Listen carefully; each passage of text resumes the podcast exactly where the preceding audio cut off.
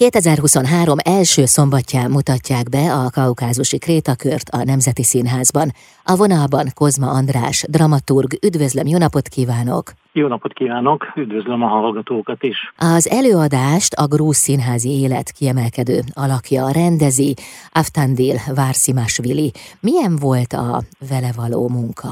Hát rendkívül sokszínű, izgalmas, és hát azt kell, hogy mondjam, hogy a vele való munkán keresztül talán Brechtnek olyan oldalait, vagy olyan gondolatait is felfedeztük, amit talán első olvasatra kevésbé fedeztünk volna fel. Tehát a rendező az mondjuk eleve úgy indított, hogy nagy tisztelője Brechtnek, tehát több előadását is rendeztem már, több darabját, de mivel a kaukázusi krétakör az egy számára egy, egy különleges jelentőséggel bír, hiszen a helyszínt, tehát a cselekmény helyszínét Brecht Grúziába helyezte, ezért ő úgy, úgy gondolta, hogy, hogy egy grúz előadást, egy grúz hangulatú, szenvedélyes előadást szeretne ebből létrehozni, természetesen Brecht szövegével, de, de föl erősítve azokat a motivumokat, amik Grúziára jellemzőek. Melyek ezek? Hát például a zeneiség, tehát grúz, grúz népzenét, illetve olyan grúz hangulatú, atmoszférájú zenéket használ, például Gia Cancelli neves grúz zeneszerző kompozícióit használja az előadásban, de például a, a mozgáskultúrában tehát nagyon erősen jelentkeznek a, a grúz tánc, egyáltalán a kaukázusnak a illata, szaga, jellege. Az előadás alcíme a következő drámai példázat a jóságról. Ön a dramaturgiai munka során mit emelt ki a darabból? Hát mindenképpen hangsúlyoznám, hogy ez nem én emeltem ki, hanem közösen dolgoztunk, de leginkább ugye Aftányil Varszimasvili látásmódját közvetítjük ezen az előadáson keresztül. Uh-huh.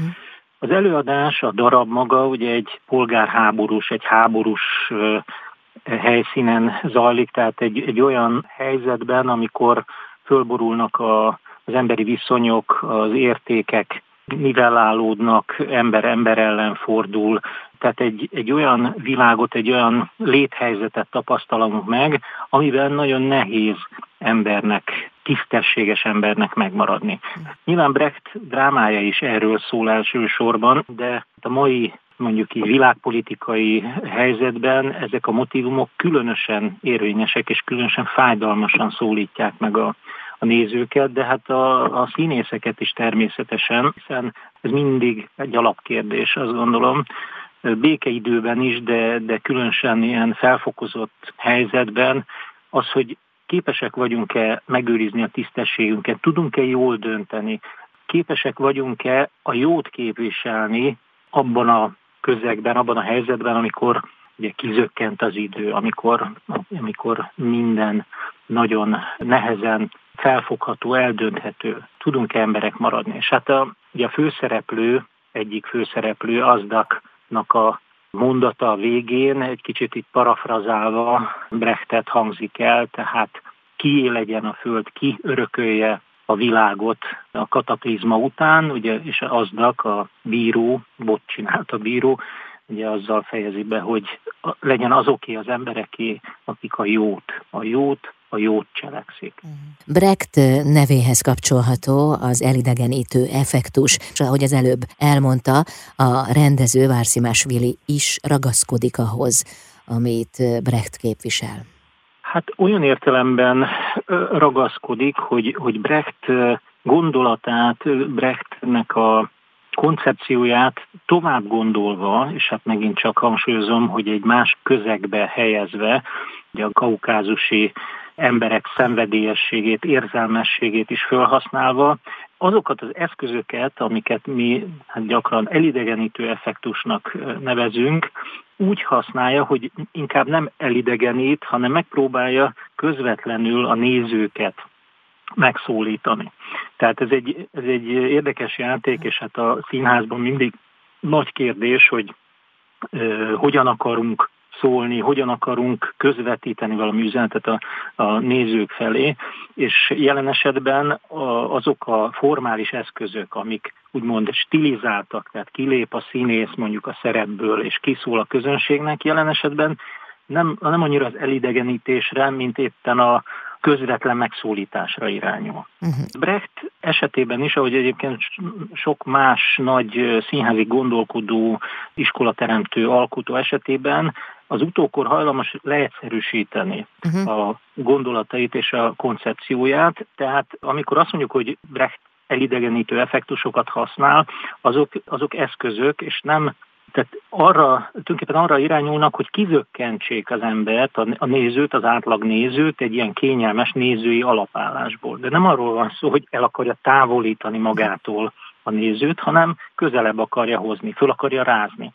De most ezt az eszközt különbözőképpen lehet nyilván használni, és hát ami mondjuk érvényes volt a 40-es, 50-es években, teszem azt, amikor Brechtnek ugye a koncepciója kikristályosodott, ma már ugyanazon a nyelven, ugyanazon a formanyelven nehezebb megszólítani a nézőket, de felhasználva a stilizálás, a, a kiszólás, közvetlen kiszólás eszközét egy másfajta hangvétellel, humorral, iróniával kiegészítve, és főleg érzelmességgel. Mondom, ezért hangsúlyozom, hogy, hogy a, az érzelmességet, a szenvedélyességet beletéve, ami a, például a grúz színházra jellemző, ez sokkal tágabb, inkább azt mondom, egy, egy Brecht koncepcióját kiegészíti, kiteljesíti a maga módján. Az ősbemutató január elején lesz, január első szombatján a Nemzetiben. Ez most megnehezíti a próbákat, vagy akár a főpróbahetet, hogy most éppen ünnepek előtt vagyunk? Egy kicsit olyan ember, mint, mint, mint a, nem is tudom, mint az, talán az orvos, bár nyilván nem lehet közvetlen párhuzamot fölállítani, tehát akinek igazából mindig készen kell állnia, független attól, hogy ünnep van, akár születésnapja, vagy karácsony, vagy, vagy új év.